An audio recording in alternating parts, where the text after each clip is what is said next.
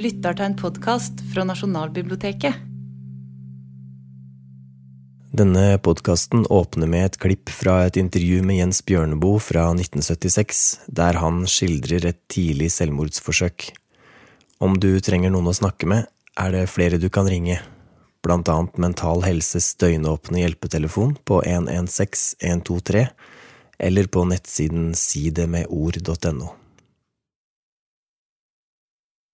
Mitt første selvmord fant sted da jeg var 13 år gammel. Eh, Hva ligger i et sånt utsagn?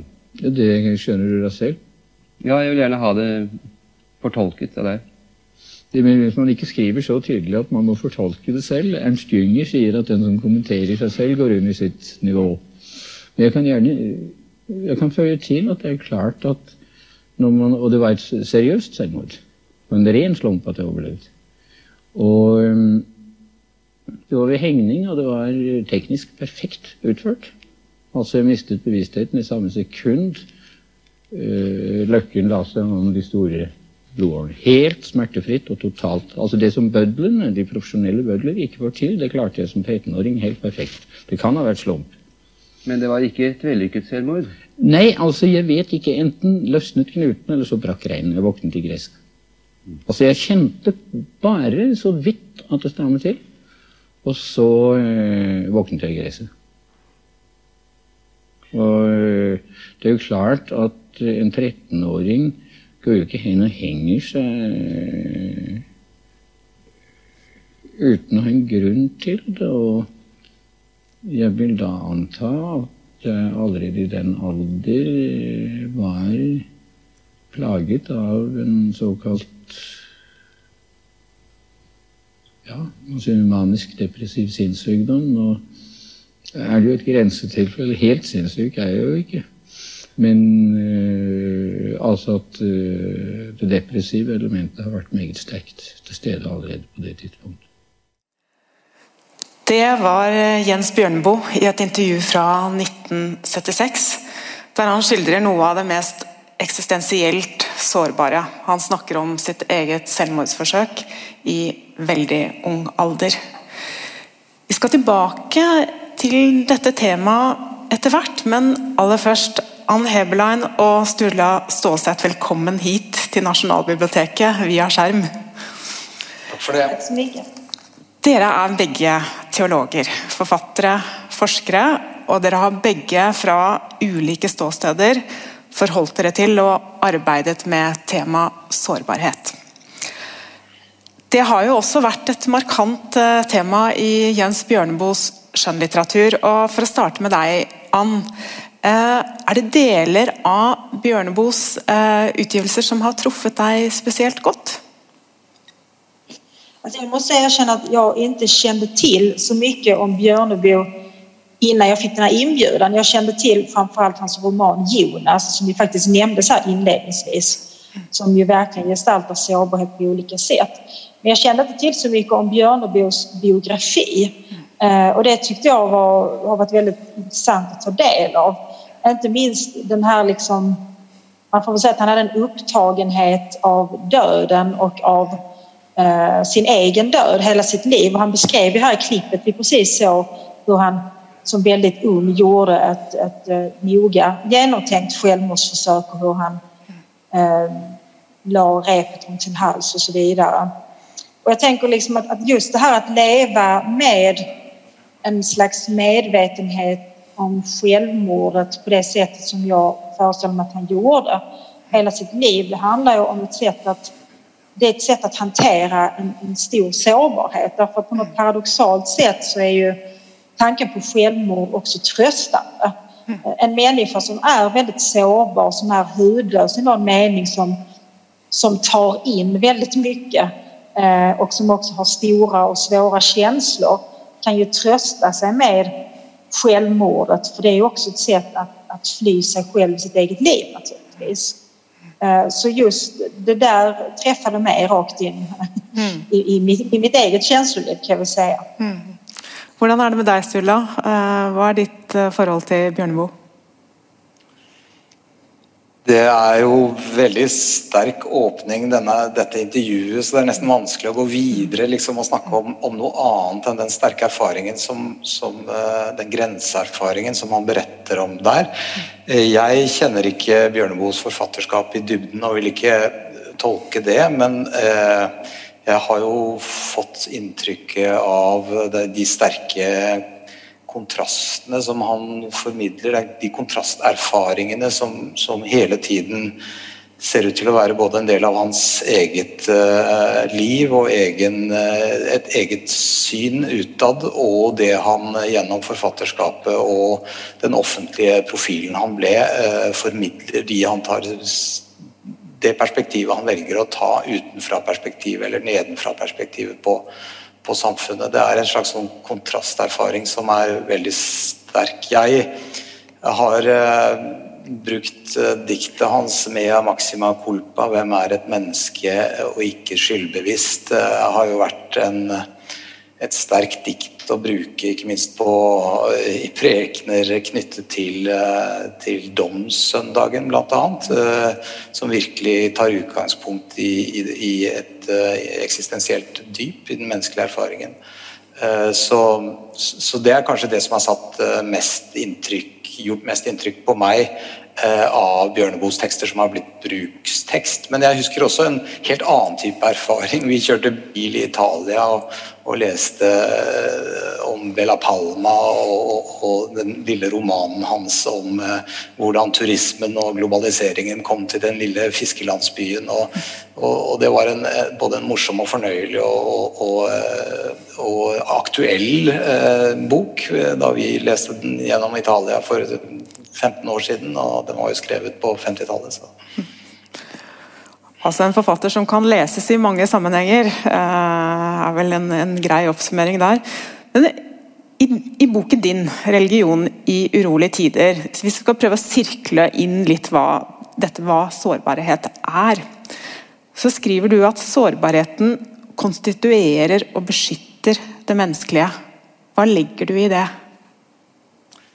I det legger jeg at eh, vi tenker jo ofte Den vanlige måten å nærme seg sårbarhet på, er at den er et problem. Eh, det er något noe som det aller første steget kan være rett og slett å, å, fornekte den eller se bort fra den, eller tenke at den er her midlertidig og det er noe vi vokser fra, eller vi som samfunn eh, Eh, kan klare å komme oss ut av. Som om, som om, sårbart er bare det lille barnet, og den voksne ikke lenger eh, er det. Eller, eller som om sårbarheten bare er noe som tilhører de andre, de såkalt sårbare gruppene. Eh, men og man kan vel egentlig lese hele modernitetens historie og hele vårt moderne samfunn som en eller annen en slags flukt vekk fra sårbarhetens eh, eh, realitet i det menneskelige livet. Og, og, drevet av en drøm om en usårbarhet og en, en visjon om at det skal være mulig å komme seg vekk fra sårbarheten. Og Den tar jo utgangspunkt i sårbarheten som, som, noe negativt og som noe vi kan bli kvitt.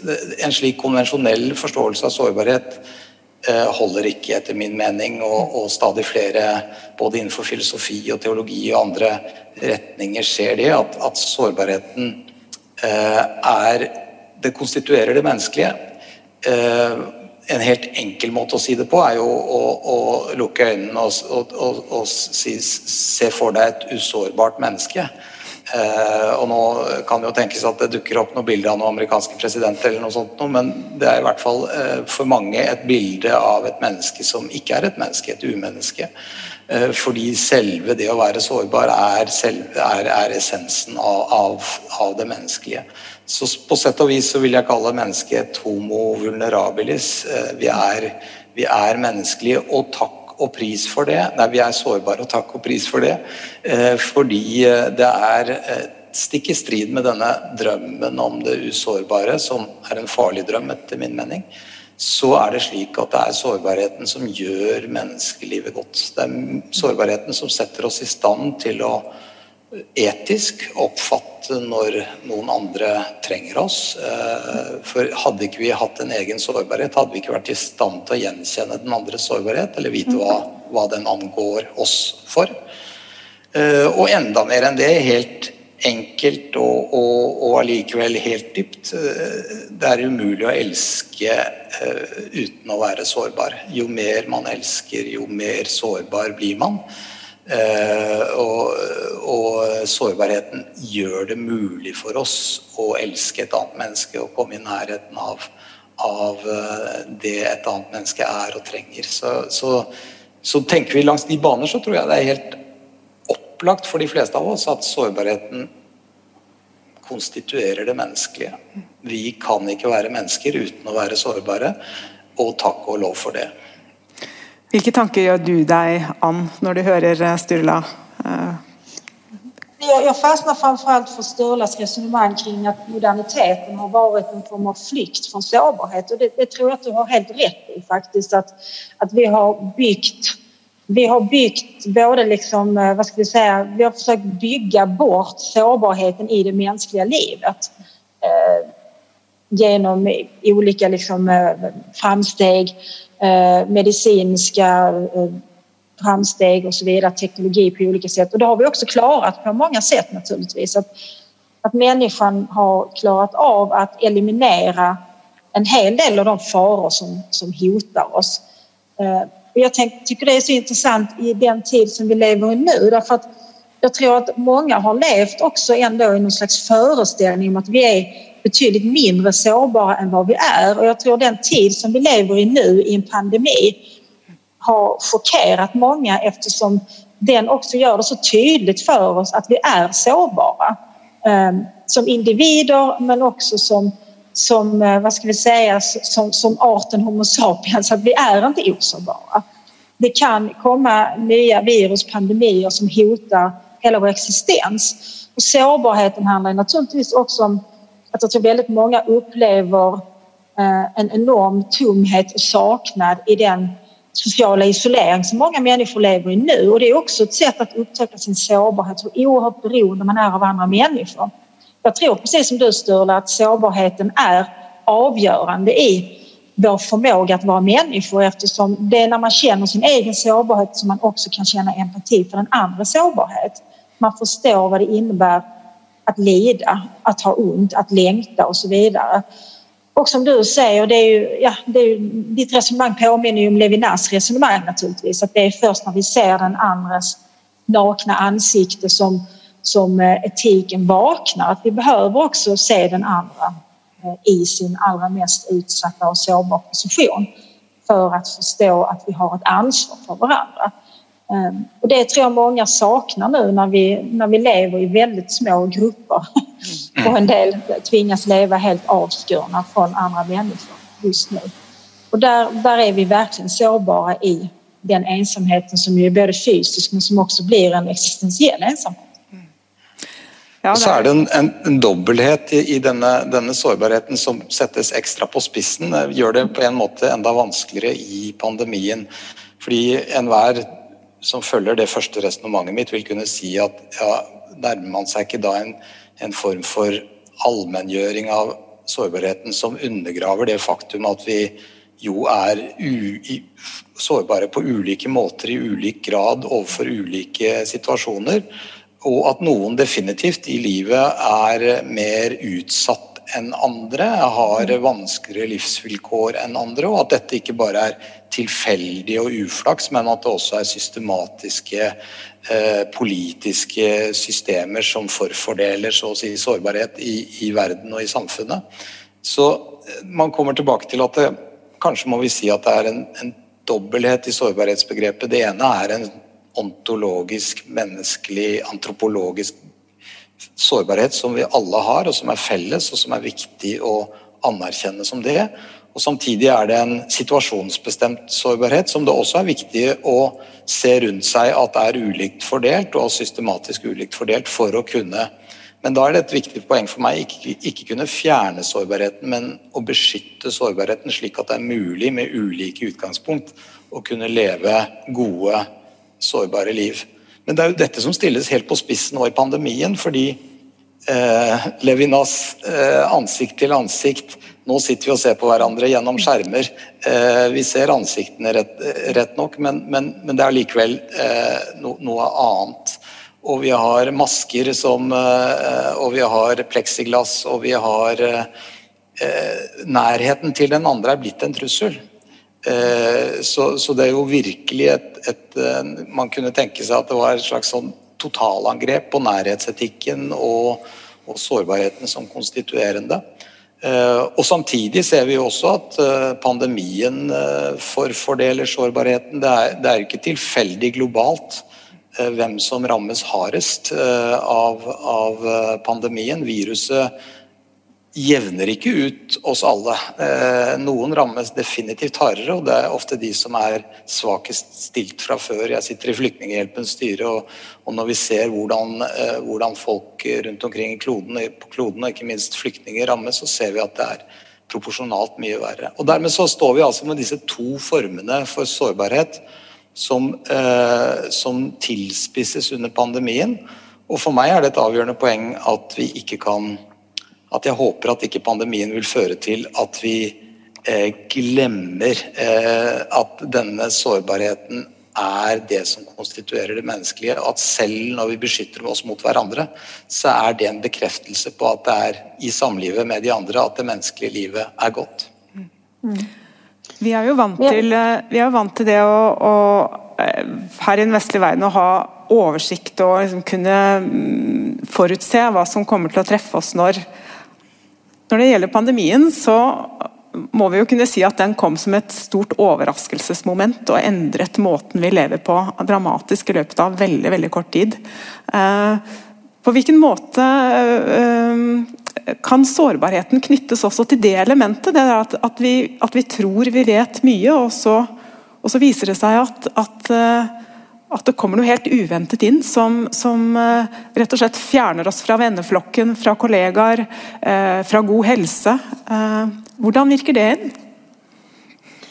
Jag, jag tänker att, att, mycket av det här handlar om, alltså den, jag upplever nu att, att människor är liksom, ja, nästan i ett chocktillstånd över det som händer nu, även om det har pågått ett tag. Jag tror att det, det rubbar liksom vår föreställning om att vi har kontroll över saker.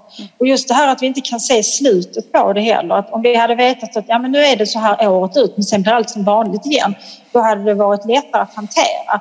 Men vi vet inte det och tvärtom så har det ju kommit bakslag nu, för nu är vi inne i en andra våg och på vissa ställen i världen är man inne i en tredje våg. Så vi vet ju inte när det här tar slut. Och det gör ju att, att, att den känsla av relativ kontroll som många människor ändå lever med, kanske de flesta av oss i västvärlden som är liksom relativt etablerade med bostad och arbete och en, en rimlig inkomst och så, då tycker man att man har kontroll över sitt liv. Det är förutsägbart. Plötsligt så blev allt oförutsägbart. Eh, och det, det, har ju också lett till, för någonting händer ju också med människor som som hamnar i någon form av kris kan man väl säga och att upptäcka att man är sårbar när man inte trodde man var det. Det väcker existentiella frågor eh, där jag ser att människor diskuterar mycket sådana här saker som hur ska man egentligen leva? Eh, kanske borde man flytta ut på landet? Alltså, så det väcker ju också frågor om resten av livet. Levde vi egentligen på ett optimalt sätt innan det här hände? Varför var det så viktigt att eh, ha aktiviteter varje kväll i veckan. Vad är det egentligen? Är det viktigt att resa så mycket som vi gjorde och så vidare? Så det finns ju en möjlighet att reflektera kring andra frågor eh, i kölvattnet av den här pandemin och den reflektionen tycker jag faktiskt har börjat och det handlar väl också om att många människor har ju fått mer tid nu på något vis och det är ju när vi är ständigt upptagna med att arbeta, träna, eh, träffa människor, vänner och så vidare då behöver vi inte heller konfronteras med oss själva. Det är ju i ensamheten när vi i någon mening går ut i vår själsliga öken som vi också möter oss själva. Och det mötet kan vara smärtsamt men det är också ett möte som kan förändra det på olika sätt. Eh, så jag tror att, att sårbarhet är ett oerhört aktuellt tema för väldigt många människor eh, just nu faktiskt. På grund, och det är ju något intressant för att om vi återvänder till Björnebo ett tag här så hade han ju Eh, om jag förstod rätt, liksom återkommande depressioner, han hade mycket ångest och han hade också svårt att förhålla sig till alkohol. Han hade väl ett, ett ganska utvecklat alkoholmissbruk. Så han var ju på en massa olika sätt en, en väldigt sårbar person. Eh, och de individerna och människorna finns ju runt oss hela tiden. Människor som kämpar med psykisk ohälsa, med ett missbruk, med ekonomiska problem och så vidare. Men nu har vi hamnat i en situation där hela världen egentligen är sårbar tillsammans. Sen är det naturligtvis som Sturla sa att, att det här slår ju olika hårt också. Eh, att eh, det drabbar ju människor som är trångbodda till exempel på ett annat sätt. Har man sådana arbeten som jag och Sturla har så kan man ju arbeta hemma men om du är taxichaufför eller om du arbetar i vården kan du inte göra det så då utsätter du dig på ett annat sätt naturligtvis. Men jag tänker att det också gör någonting med samtalet mellan människor att vi befinner oss i någon form av utsatt situation samtidigt allihopa. Sturla, eh, i boken din så citerar du en klassiker från 1956, den danske teologen Løgstrup, berömd för sin bok Den etiske fordring. Och han skriver där, och du citerar ham, den enkelte har aldrig med ett annat människa att göra utan att han håller något av dets liv i sin hand. Vi är varandras världen och varandras skebne. Hur menar du att avhängigheten spelar in i vår mänskliga sårbarhet? Avhängigheten är, är eh, där från dag en och till sista dag. Eh, så på en måte så, så är uavhengighetsidealet, eh, eh idealet, uavhengighetserklæringen eh, osv. Eh, i slekt på ett vis med usårbarheten som illusion. Det finnes ikke noe uavhengig menneske og uavhengighet. Eh, forstått som autonomi, frihet, eh, som eh, vilje og mulighet til å være den beste utgaven av seg selv, som det har blitt litt vanlig å, å, å si, er jo eh, noe vi godt kan eh, strekke oss etter. Men det kan ikke settes opp som en motsetning mot avhengigheten, og det syns jeg Løgstrup eh, får fram väldigt fint i, i, i, ikke bare den setningen, men i hela sitt, sitt forfatterskap. Han tar utgangspunkt i det han kallar interdependensen, alltså att vi är allerede innvevd i, i hverandres liv, och vi, vi, vi, vi, vi lever på den andre og den andre lever på oss, slik att vi får den andres liv i våra händer, enten vi enten vi vill det eller inte så å si. Og i det ligger det både makt och i det ligger det etisk ansvar. Og, og vi, vi, vi, kan inte snu oss bort, vi kan inte slippa. Om vi slipper så, så är det också eh, et, ett, svar på den utfordringen, den etiska fordring som Løkstrup kallar det, som ligger i den andres blotta närvaro och, og samliv. Eh, en annan nåtidig eh, politisk filosof som också har skrivit mycket om sårbarheten, inte minst efter 9-11, är ju Judith Butler. Eh, och i hennes nyaste bok eh, som heter The Force of Non-Violence så har hon ett annat flott bild om akkurat detta med händerna som slog mig väldigt mycket. Hon, hon, hon säger att ett hvert människa är från första stund av eh, tagit emot av någon händer som har gett oss vidare. Eh, någon har tagit emot oss i sina händer før vi har kunnat bruke våra egna händer. Och vi har blivit tagit emot och vi har blivit overgitt vidare. Det är livsvillkor fra, eh, som ethvert menneske människa har en grundläggande erfaring.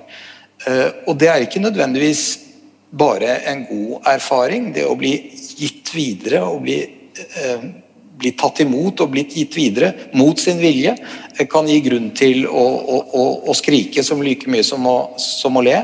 Eh, men det är nå en gång eh, livsvillkoret vi, vi är i. Så det att igjen vända sig vekk från vår grundläggande avhängighet, inte bara av, av varandra som människor, men av de omgivningar vi lever i, den naturen vi lever av och som, som nu är truet så til de grader. Alltså det som tas Eh, hvert, hvert pust vi drar in i, i, i lungorna, som ju nu da både genom eh, drapet på George Floyd och genom pandemin har ju detta med lungorna och pusten blivit ett extremt starkt bilde på, på både den avhängigheten och den, den eh, vi sårbarheten som förenar oss alla och den sårbarheten som truer eh, alles liv och som truer enkelte gruppers liv på en spesiell måte. Mm. Vad tänker du om det, Ann?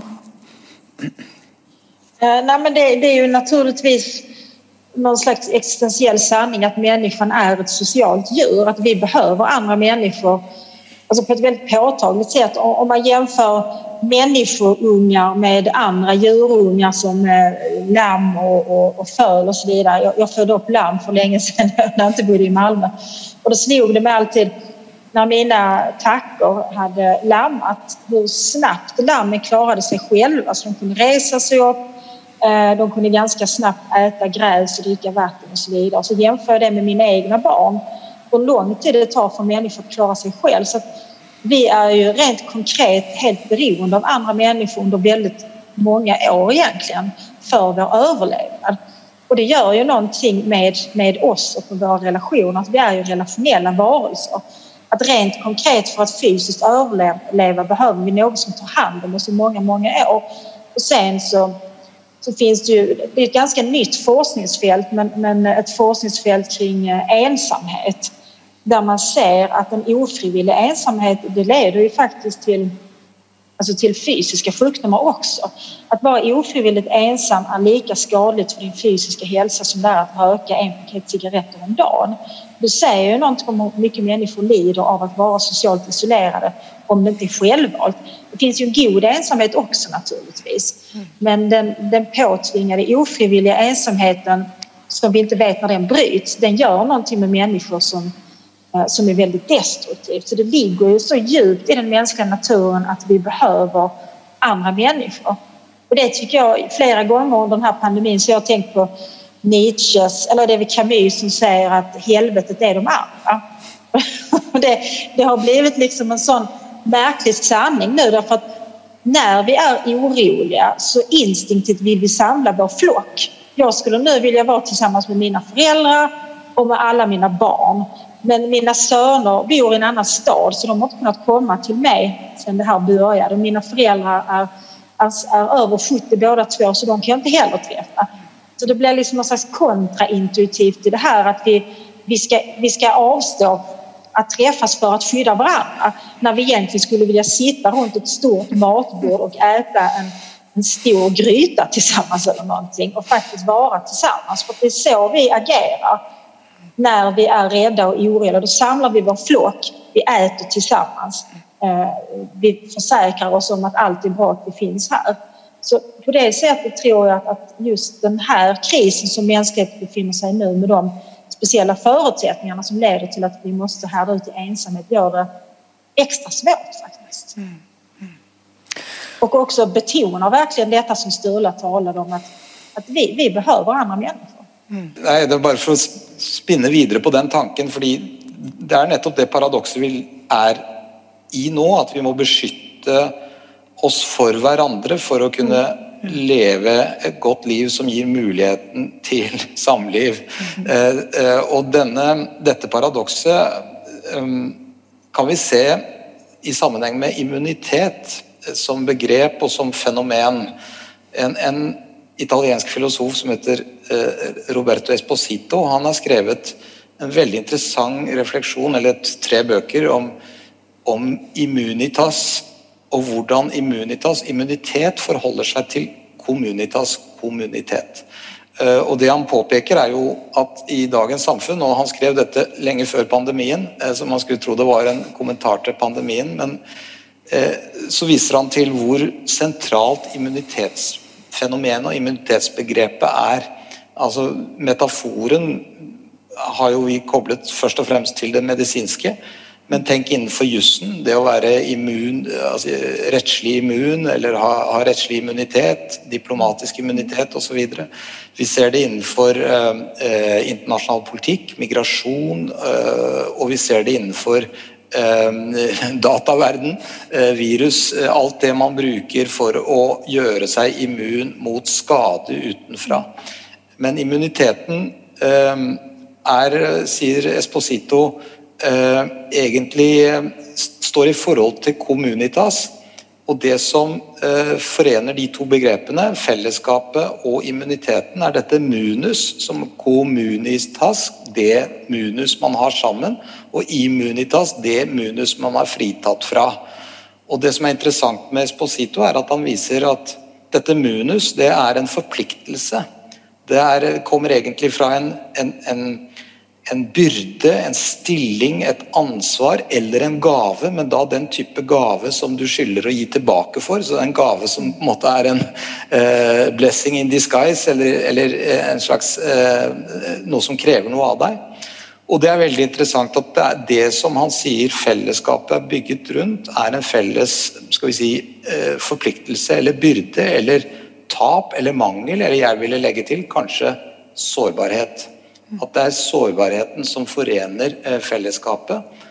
Og immuniteten, sier han, den er jo Hvordan skaffer vi oss immunitet gjennom vaksine? Jo, ved å innføre litt av den giften som egentlig dreper oss hvis vi får for mye. For å få motstandskraften så må vi ha akkurat passe eh, inn av den dødelige eller skadelige giften som truer hele eksistensen. Men det som da er viktig, er at det ikke er for mye. Og det er der han sier at autoimmune sykdommer, altså hvor immunitetssystemet vender seg mot seg selv og undergraver beskyttelsen som, som det skal gi, det er egentlig et bilde på det han ser veldig mange steder rundt omkring på kloden, og som driver også vårt eh, fellesskap på mange måter. At vi har autoimmune reaksjoner eh, på svært mange felt. Eh, se terror, antiterror, Eh, stadig jakten på større sikkerhet, større murer, større beskyttelse, mer forsikring, undergraver egentlig det fellesskapet som, som eh, er Communitas. Og Det tenker jeg er en veldig viktig refleksjon i denne pandemien også. At eh, ja, disse tiltakene som vi nå er inne i, de er nødvendige. Men immunitas får vi bare hvis det er begrenset og porsjon, porsjonert på en slik måte at vi vet at Communitas det er den felles sårbarheten vi deler. Mm. Ann, for eh, om lag ti år siden så ga du ut den selvbiografiske boken 'Jeg vil ikke dø, jeg vil bare ikke leve'. Den har nådd titusenvis, og mer enn det, eh, lesere både i Norge og Sverige, og sikkert enda flere land. Eh, og har betydd veldig mye for veldig mange. Kan ikke du fortelle oss rammen rundt den boken? Ja, det är en bok som från början faktiskt är mina dagboksanteckningar som är skrivna under några månader där jag var nere i en väldigt djup depression eh, och brottades med mycket svåra självmordstankar. Eh, och det är väl ett sätt liksom att försöka, texten är ett sätt att försöka övertala mig själv att stanna kvar i livet kan man väl säga. Så det är frågor som handlar om eh, meningen eh, eh, naturligtvis. Varför finns jag här? Finns det någon, måste jag fortsätta finnas för att jag placerades här? Har jag ett ansvar att fortsätta leva? Hur ont ska det göra innan man får ge upp? Det är väl de tankarna som är grundläggande kan man väl säga. Och det är klart att det, det, är en bok som har beskrivits som väldigt självutlämnande och där jag också naturligtvis visar mig enormt sårbar. Samtidigt tänker jag att det är också en bok som har talat till så många människor. Jag, jag har alltid trott att i den unika erfarenheten hittar vi också något gemensamt. För jag tror inte att människor är så olika varandra egentligen. Det är möjligt att, att jag har känt de här känslorna mer intensivt än vad många andra har men jag är övertygad om att varje människa någon gång i sitt liv ställer sig frågan om man ska fortsätta leva eller inte, eh, vad som är poängen med det hela. Och eftersom jag har en bakgrund i teologin och filosofin så hanterade jag mina egna frågor och min egen ångest genom att eh, söka svar framförallt hos filosofin får man väl säga och en del av de svaren finns med i boken. Mm. Mm. Och det handlar ju ganska mycket om det som vi har pratat om nu faktiskt. Alltså, ja, det gör det. Ja, ja. Relationen till andra människor, sårbarheten i att älska. Sturla sa det väldigt tidigt i vårt samtal att, att, att eh, jag vet inte om du uttryckte det som att man måste, man, jag tror man måste, man måste våga vara sårbar för att kunna älska. Därför när man älskar så ger man sig hän. Och när man ger sig hän så man riskerar att förlora någonting när man älskar någon naturligtvis. Och det är oerhört smärtsamt. Så man måste bara vara, både vara medveten om sin sårbarhet och vara villig att, att sätta den här sårbarheten på spel när man älskar någon, mm. såklart. Jeg vil bare knytte an til noe av det Sturla sa tidligere i samtalen. At mm. den teksten eh, der du stiller deg veldig sårbar, viser jo også en voldsom styrke. Så det er jo en, en, en, en enestående opplevelse sånn sett å lese den boken. Det er en, en scene som ikke eh, er så stor eh, i denne boken, men som likevel festet seg litt hos meg. og det er og som også får meg til å tenke på dette med Løkstrup, som vi var inne på mm. tidligere. Du snakker med en krigsreporter på telefon, en krigsreporter som du kjenner. Mm. Eh, og du forteller ham hvor forferdelig ille du har det. Det er han på ingen måte i stand til å møte. Eh, det, er, det, er, som om han ikke har hørt hva du sa. Mm. Eh, hva er det som gjør det så vanskelig for oss å møte andre menneskers sårbarhet her og nå, stedet for noe som er tilbakelagt, som vi kan nikke gjenkjenne over ja, livet er vanskelig en gang iblant, men dette här och nu, hva, hva, hva är det? Mm, ja, men jag tycker själv också att just eh, den scenen är intressant för att det här är ju en människa som alltså personen som jag pratar med i boken är ju människor som har sökt sig till eh, oroshärdar i världen som har sökt faran, får man väl säga. Eh, och som också är ganska stolt över det, att han har varit på alla de här platserna och han har klarat av det. Men när en människa som han eh, befinner sig i en relation till berättar om sin ångest och sin eh, oförmåga att leva, då vill han inte lyssna. Och jag tror att det är tyvärr inte en helt ovanlig reaktion och det handlar om faktiskt, tror jag, det som både Levinas och Lögstrup skriver om, nämligen att du har ett ansvar för den andra. Men om du inte hör vad den andra säger så behöver du inte ta det ansvaret. Um, när du berättar och därför så när man befinner sig där som jag befann mig då i liksom ett mörker verkligen så är man också rädd för att anförtro sig åt andra därför att man vet naturligtvis att den jag anförtror mig åt upplever detta som en börda. Eh, att nu, nu, nu visar jag dig det här eh, och nu måste du ta hand om det. Och det gör det väldigt svårt naturligtvis för den människa som är deprimerad.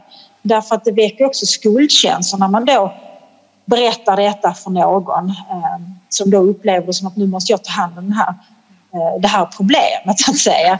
Och det är rätt få människor som är beredda att göra det. Själv tänker jag så här att jag tror att det man kan göra i en situation där en annan människa är väldigt sårig och därför sårbar, det är framförallt att lyssna. Vi kan inte göra så mycket mer faktiskt. Det är ingen som kräver av dig att du ska säga några magiska ord som löser upp hela den här ångesten som tar bort smärtan. Du kan i alla fall lyssna. Du kan fortsätta finnas där, du kan fortsätta se den här personen i ögonen. Jag har en, en god vän som är polis. Hon har jobbat mycket med sexuella övergrepp på framförallt barn och har förhört många barn som har varit utsatta för förfärliga övergrepp. Och vid något tillfälle så frågade jag henne hur hon hur hon stod ut med detta, att höra allt detta lidande så sa hon att det, det jag måste göra är just att stå ut. Jag måste stå ut, jag måste klara av att lyssna på lidandet och smärtan därför att de här barnen som har varit utsatta och som ju är extremt sårbara och traumatiserade. De har också internaliserat en bild av sig själva som så skadade att det som de har varit med om är så fruktansvärt så ingen orkar ens lyssna på det. Och det tycker jag är en väldigt god lektion för oss alla. Att när vi ser någonting som är fruktansvärt, när vi ser grymhet omkring oss, när någon berättar det, så får vi inte bekräfta den här människans bild av att man på något vis har blivit, blivit smittad av någonting för att man har varit utsatt, utan man måste faktiskt finnas kvar och lyssna, se personen i ögonen. Eh, men du behöver inte lösa det, för det kan du inte göra.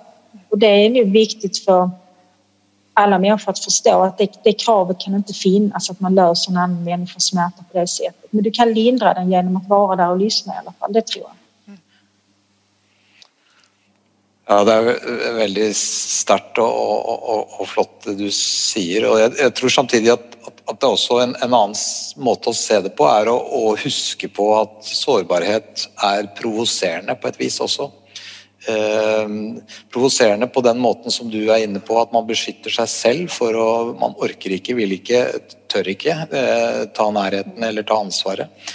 Eh, men, men, det kan også være en form for um, skjevhet. Ehm, asymmetri i det møtet som eh, Altså, både Sverige og Norge er samfunn hvor vi har heldigvis eh, vent oss til å leve med relativt stor grad av likhet. Eh, ikke store klasseforskjeller, ikke store synlige maktskjevheter. Eh, og da plutselig å bli stilt overfor eh, en, en, en, stor eh, sårbarhet rett foran oss, eh, kan faktisk utløse en form for aggresjon mot den som er sårbar. Og jeg tenker fra min tid i Kirkens Bymisjon så, så tok vi ofte eh, i forsvar de som tigger på gatene. Eh, og det vi ofte opplevde, var eh, at det jo også til og med ble foreslått og ble gjennomført lover mot såkalt aggressiv tigging. og den følelsen som, som man kan gjenkjenne, at man blir irritert, frustrert, til og med litt aggressiv i møte med den andres tydelig framstilte underdanighet og avhengighet og sårbarhet, det er en reell følelse som, som, det er viktig å ta på alvor. Uten dermed at den skal forsvares, fordi det er jo veldig ofte å to blame the victim og sende på en måte aggresjonen tilbake til den som i helt åpenbar grad er i en så vanskelig livssituasjon at f.eks. tigging eller ønske bønn om hjelp er det, det, nærmeste man Eller det man må ty til. Eh, så, så det å, å, gjøre seg selv bevisst den motviljen, den, det provoserende ved å møte den andres sårbarhet, eh, kan være også en, en måte å komme forbi eh, sine egne motreaksjoner, sin egen immunitet mot den andres sårbarhet. Hvis vi går et stykke videre i boken din, Ann, så skriver du også om en psykiater du møter. Eh, da er du eh, helt bunnfortvilt, og du er på et sted som heter Sankt Lars, var det det? Ja, ja. Eh, og du forteller ham at du opplever at du har mistet kontakten med Gud. Um, vi mer enn aner at han slår din gudstro sammen med din diagnose. Uh, og, og, som troende hvordan, hvordan er det å bli møtt med at en så viktig del av deg kanskje blir sett på som en vrangforestilling? Ja. Ja, men det, det, är ganska intressant faktiskt att vi, vi lever i en, en kultur och i en tid där en tro på Gud hålls emot en på något sätt. Att det betraktas som, som ett symptom på att någonting inte står rätt till. Medan en tro ju faktiskt kan, när den är stark och levande, vara en väldig hjälp. Därför tron, tron gör inte dig immun mot din sårbarhet. Det är ingen vaccination mot livets orättvisor och, och så vidare. Men det ger ju ditt liv en mening. Det, fin det finns någonting i detta som ändå är, kan vara en styrka. Um, så det, men det, och det handlar ju liksom också, tänker jag, om, om de föreställningar vi har om andra människor. Uh, och att det finns föreställningar om hur troende människor är och beter sig. Jag tänkte på det som du talade om nu Sturla också, det här med att att sårbarheten kan vara provocerande för den andra. Idag är det internationella mansdagen, det kanske ni har noterat. Eh, och jag tänker liksom att jag har kunnat skriva den här boken, jag har, kunnat, jag har pratat mycket om de här frågorna utifrån mig själv och mina egna upplevelser. Eh, och jag tänker att, att inom ramen för en, ska vi säga, godkänd kvinnlighet så finns ju ett utrymme för att vara just sårbar. Det, det finns liksom en möjlighet för kvinnor att vara sårbara. Eh, och därför så, så, kan också kvinnor söka hjälp när de upplever sig sårbara på olika sätt. Statistiken visar att det är fler kvinnor som söker hjälp på psykiatriska kliniker och psykakuten och så. Men det är fler män som tar livet av sig. Och jag tror att det handlar om att det är oerhört svårt att inom ramen för liksom en, en godkänd normerande manlighet också vara sårbar. Att det, kan, det är provocerande med en man som är, som är deprimerad, en man som, som är ångestfylld. Det väcker inte lika mycket varma känslor, det väcker inte samma typ av empati som, som om en kvinna berättar om, om samma fenomen. Eh, så visst ligger det någonting i detta att, att, det spelar också roll vem vi är när vi uttrycker en viss typ av, av känslor, oro, rädsla och så vidare. Att, trots att det är 2020 nu så har vi fortfarande kvar ganska starka föreställningar om att män ska klara sig själva på något vis. Att, att män ska hantera den sortens oro på egen hand. Och det tycker jag är väldigt sorgligt att det är någonting som vi borde arbeta mycket mer med. Att lära pojkar och män att de också är sårbara, det vet de ju redan naturligtvis, men att de får vara sårbara. Och vi ser det ju också politiskt för tiden, att eh, den starke mannen eh, vokser fram over hele kloden og heies fram og, og, og, får makt og beholder makt. Og det er eh, en kobling mellom en, et politisk ideal og et mannsideal som, eh, som, vi trodde kanskje vi var i ferd med å legge bak oss, men det, det er jo på sterkere enn en på lenge. Mm. Men i din bok eh, Sturla, så knytter du en, en tese til to statsvitere, Pippa Norris og, og Ronald Ingelhardt.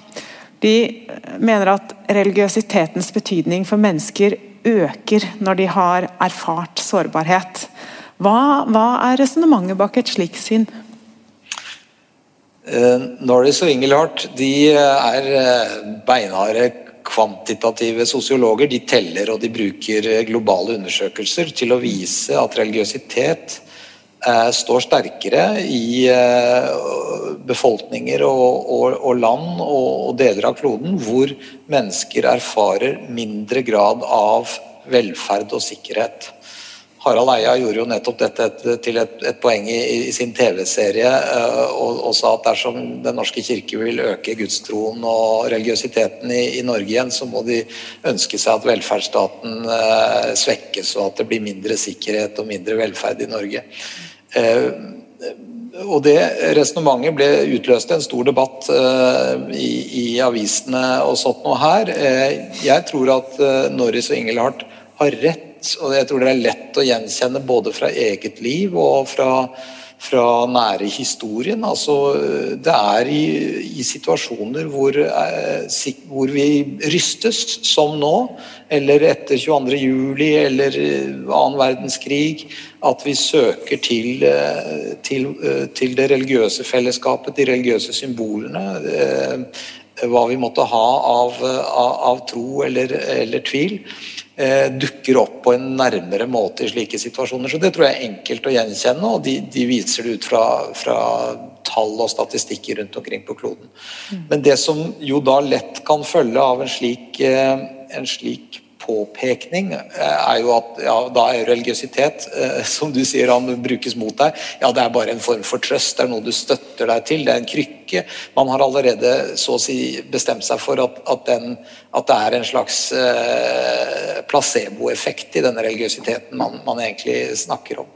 Eh, så jeg har interessert meg mer for å spørre ja hvis det er slik, på hvilken måte er det at religiøsitet eh, svarer på utfordringen av erfaringen av sårbarhet. Eh, og det gjør religiøsitet ulike former for religiøsitet på svært ulike måter. Og slett ikke bare på gode måter. Det kan være en form for virkelighetsflukt. Eh, enten inn i de åndelige opplevelsene som karismatikken tilbyr, eller det kan være en, en, en desto sterkere avvisning av den andre og, og av det, det, som oppleves som urent eller vantro eller videre, sånn som fundamentalismen eh, gjør. Eh, mens det finnes religiøse former eh, som i større grad egner gjennom religiøsitetens språk og symboler å eh, framstille og forstå sårbarheten på, på en annen måte. Som, som, noe som ikke skal flyktes fra, men som faktisk, som vi har vært inne på her, er livgivende, og hvor faktisk det hellige på en eller annen måte gjemmer seg eller kommer til syne. Uh, og det finnes i, i, alle religiøsiteter, vil jeg tro. Uh, og religioner. Jeg kjenner ikke helheten av dette, men jeg kjenner min egen kristne tradisjon. Og da finnes det veldig tydelig nærværende.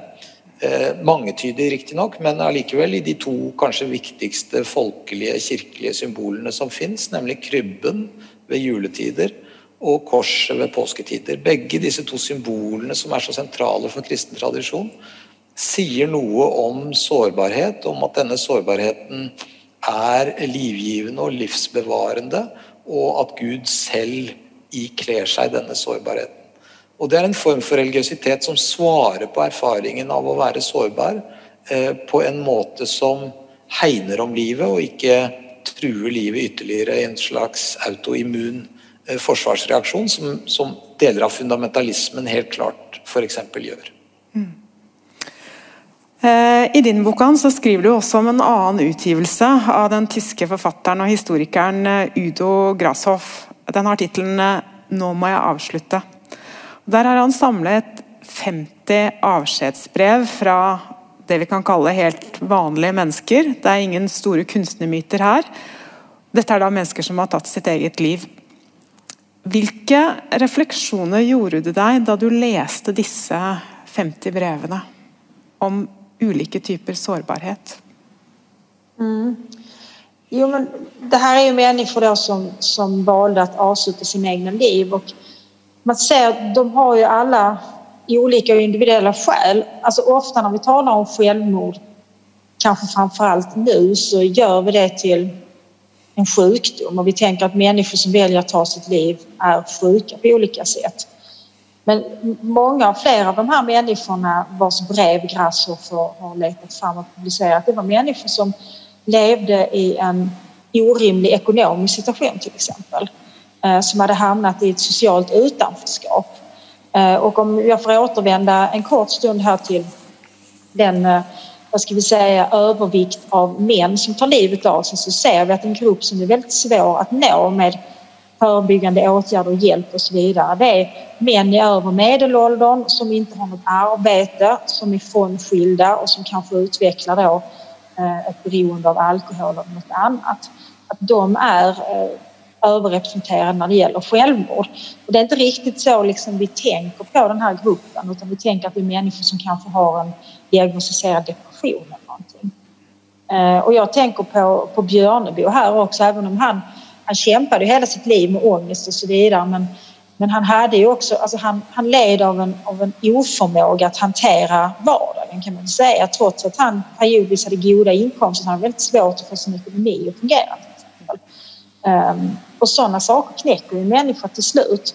Och det där har jag funderat på väldigt mycket när man tänker på psykiatrin och på alla de resurser som läggs på psykiatrisk vård. Jag tror att för en hel del människor handlar det faktiskt om sådana saker som att de lever under en sån fruktansvärd ekonomisk press eller de lever i ett sånt stort socialt utanförskap så de, de ser ingen annan utväg.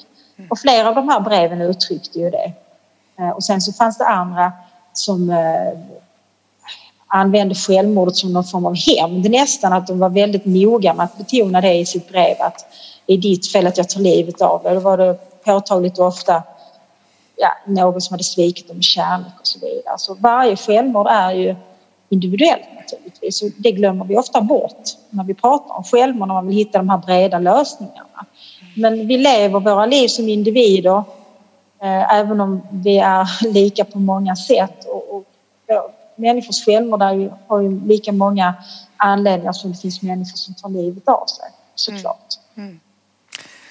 Eh, du, du, nevner jo også at Camus påstår at ingen har dødd for de klassiske filosofiske spørsmålenes skyld.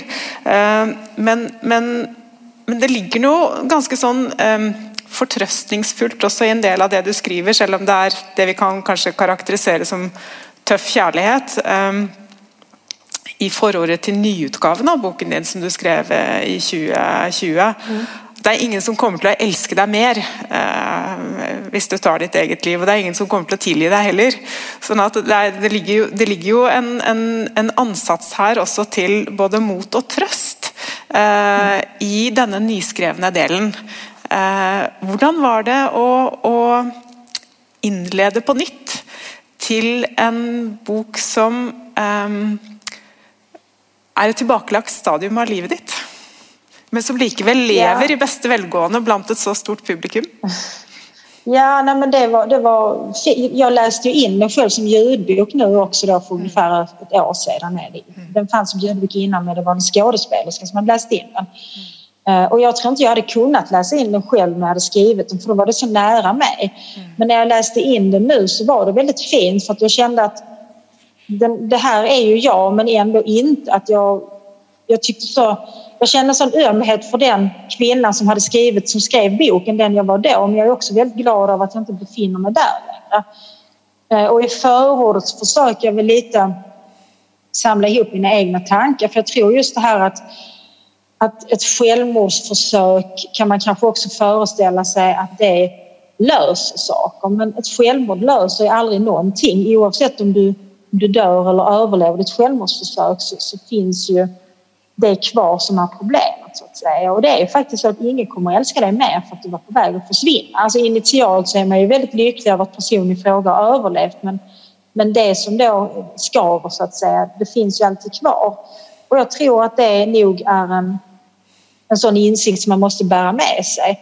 Jag tänker om jag får lite så, återvända till Sturlas resonemang om eh, immunitet. Jag tycker det är väldigt intressant för om man funderar över kan man bli immun mot sårbarhet? Alltså I någon mening så har ju välfärdsstaten försökt bygga bort sårbarheten genom olika system och så vidare. Eh, sjukförsäkring, arbetslöshetsförsäkring och så vidare. Men de systemen kan ju inte skydda oss mot den existentiella sårbarheten, eller hur? Utan där ibland i Sverige kan man väl säga så att man strävar efter att varje individ ska vara helt oberoende av andra individer men, men däremot är vi väldigt beroende av staten så att vi har liksom en, en, en, relation till staten som inte är autonom på något sätt för vi behöver ju naturligtvis ingå i de här välfärdssystemen för att klara oss. Samtidigt har det gjort oss fria i den meningen att vi behöver inte vår familj, vår släkt, vi flyttar kanske långt från vår hemby och så. Och det skapar i sin tur en annan typ av sårbarhet där man plötsligt befinner sig helt ensam även om man nu har a-kassa, sjukpenning och så vidare så behöver man andra människor omkring sig.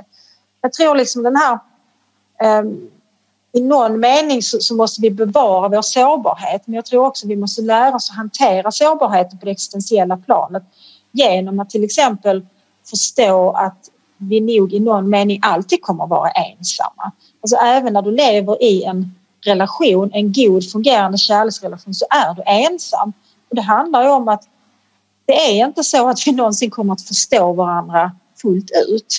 Det är ju en, en, tror jag, en önskan väldigt många människor har att man ska bli förstådd eh, och att man ska, man ska träffa någon som tar bort den där känslan av ensamhet som nog många människor bär på, alltså en existentiell ensamhet.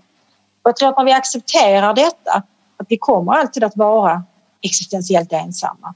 Vi kommer nog aldrig fullt ut att bli förstådda då, då minskar också känslan av sårbarhet något. Eh, och då kan det till och med bli lite spännande att människor är så olika varandra så att det är nästan omöjligt att förstå en annan människa ibland faktiskt, att man kan uppleva saker så olika. Så då kan man ju, kan man ju se de olika tolkningarna som, som något som berikar eh, och är spännande snarare än att det är någonting som hotar mig eftersom du inte förstår saker på samma sätt som jag själv det var väl mycket av de tankarna som sattes igång när jag, när jag fick uppdraget att skriva ett nytt förord. Vad, vad skulle jag egentligen vilja berätta? Och den som ska läsa den här boken och kanske befinner sig där som jag själv befann mig när jag skrev den eh, i ångest och depression. Vad tänker du när du hör Ann berätta nu, Sturla? Nej, det är ju väldigt starka och, och, och reflektioner som jag, som jag lærer mye av og, og lytter til. Og, og, og, som kobler an til starten på, på samtalen vår. Altså denne, eh, dette mange måter rystende og overraskende klippet hvor, hvor Bjørneboe jo beskriver han, han, snakker ikke om selvmordsforsøket sitt, han snakker om selvmordet sitt. Eh, mm. Mm. Og, og, mitt første selvmord eh, da jeg var eh, 13 år. Eh, og, og og min gode nabo i dette huset, faktisk Tore Rem, som har skrevet de to, to bindene av eh, biografien om Jens Bjørneboe, han, han, kommenterer akkurat det, den hendelsen om at eh, eh måten Bjørneboe forteller om det på, eh, er i seg selv en eh, eh kan åpne mange spørsmål, og bl.a. dette eh, som, som, du nå også han var veldig mye inne på, hva skjer etterpå? Og hvorfor kommer han tilbake til dette? Eh, og hvorfor forteller han det på den måten han gjør? Noe eh, ved hendelsen har allikevel fått ham til å gå videre, og han snakker om det som et selvmord som som ligger bak ham. Kanskje har han, som, som Tore skriver i biografien, allikevel oppfattet at det var noe ved ham som, som skapte en kraft så han kom gjennom dette, og, og, og som ga ham eh, oppdrag og, og retning på, på, alt det han fikk til eh, senere. Men som forble dette såret og denne smerten og denne, denne uroen i ham, som, eh, som, som, både var depresjon og, og mye annet. Eh, men det, det, minner meg om et, et, et annet faktisk et annet religiøst symbol, eh, ritualet, eh, den kristne dåpen, som jo er et dødsrituale. Det er, det, er, det er, jo en drukning, egentlig en rituell drukning, som skjer når det er en barnedåp. Så har det noe av dette ved seg. Vi, vi, snakker ikke så ofte om det på den måten, for det kan virke litt eller det virker litt eh, rystende, kanskje, men, men den har noe ved seg som er fortrøstningsfullt, nemlig at døden ligger bak. Mm. Den ligger ikke lenger foran i, i, denne måten å tenke liv og død på i en kristen eh, livsforståelse. Tar ingenting av eh, det eksistensielle alvoret vekk, men det er likevel en form for eh, nærkamp med den vissheten som dette barnet som blir tatt imot i hender, blir overlagt i andre hender, det er allerede fra begynnelsen av et liv som er truet av, av døden. Eh, og det å ha lagt døden rituelt bak seg, kan kanskje, kan kanskje være et slags ekko i denne selvberetningen som, som Bjørneboe uh, har i dette intervjuet uh, som vi hørte til å begynne med. Vi nærmer oss eh, nå slutten av, av timen vår. Vi skal stille det samme spørsmålet til begge til slutt. Og vi har jo vært innom flere elementer her. Men hva tenker dere at vi Hvordan kan vi best leve med våre sårbarheter, og hvordan kan vi best møte andres i dette veldig omskiftelige eh, eh, klimaet vi, vi, lever i i dag. Ann først. Jag tror att det är viktigt att vi vågar möta vår egen sårbarhet. Jag, jag har tillbringat en del tid på olika eh, reträtter, retreats och då lever man ju verkligen med sig själv bara. Därför att då lever man i tystnad, man träffar bara andra, man följer tidigare. Så att den enda gången man hör sin egen röst och andras det är när man ber tillsammans. Och i en sån situation när man inte har radio, tv och annan förströelse då tvingas man också möta sig själv. Min doktorsavhandling eh, som jag skrev för väldigt länge sedan nu, den handlade om förlåtelse. Eh, och väldigt många av de filosofer och teologer jag läste hävdade att förlå att förlåta sig själv är den allra svåraste förlåtelsen.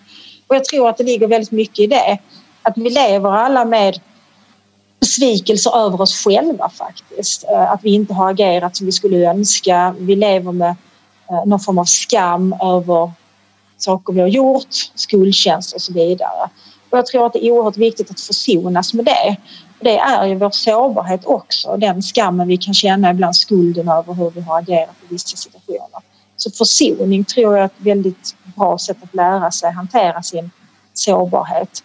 Ehm, och när det gäller hur vi ska möta andra sårbarhet så tänker jag att jag upprepar det som jag sa tidigare. Att, att inte ställa krav på oss själva att jag ska eh, lösa den här människans problem, att jag ska säga något som gör att han eller hon plötsligt mår bra utan att faktiskt bara tänka att jag kan lyssna på den här människan, jag kan finnas kvar i den här människans lidande. Jag kan inte bära det åt honom eller henne, men jag kan i alla fall finnas här bredvid. Ja, jeg vil tenke at uh, det er et mål å øve seg til å tenke at sårbarheten er god. Sårbarheten er styrke. Det er sårbarheten som gjør at du og jeg kan leve gode liv. Eh, men da er det viktig å skjelne mellom sårbarhet og sårethet. Det å være såret, det å bli påført sår, det er ikke godt. Det er aldri godt. Det kan av og til vokse fram noe godt av det, men det skal aldri instrumentaliseres eller gjøres til noe idyll eller noe godt i, det, i seg selv. Det å bli såret er vondt. Punktum. Men det å være sårbar, som åpner for muligheten for å bli såret, men som også først og fremst åpner for muligheten til å elske og bli elsket, det er eh, livgivende og faktisk en kvalitet. Og det å øve seg til å tenke så motkulturelt som det er, for vi er vi tutes ørene fulle av at sårbarheten egentlig er vårt problem, og vi må beskytte oss mot den. Men vi må ikke beskytte oss mot den, men vi må beskytte sårbarheten. Og det betyr at det åpner oss også mot den andres sårbarhet, som vi må eh, tenke om eh, som eh, et verdighetstegn hos den andre. Eh, det er i den andres sårbarhet vi gjenkjenner den andres verdighet som eh, menneske og som medmenneske som gir oss både muligheten til eh, å bli, eh, eh bli holdt om av den andre og holde om den andre. Så eh, det er vel en, en, en, umulig tanke på noen måter, men samtidig en tanke som vi kan øves opp i å tenke. Ann Heveland, Sturla Stålseth, tusen takk for at dere delte kvelden her sammen med oss. Takk så mye. Tusen takk.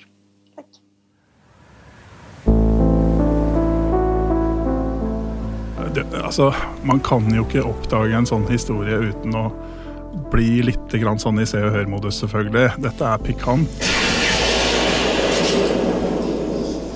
Rett på!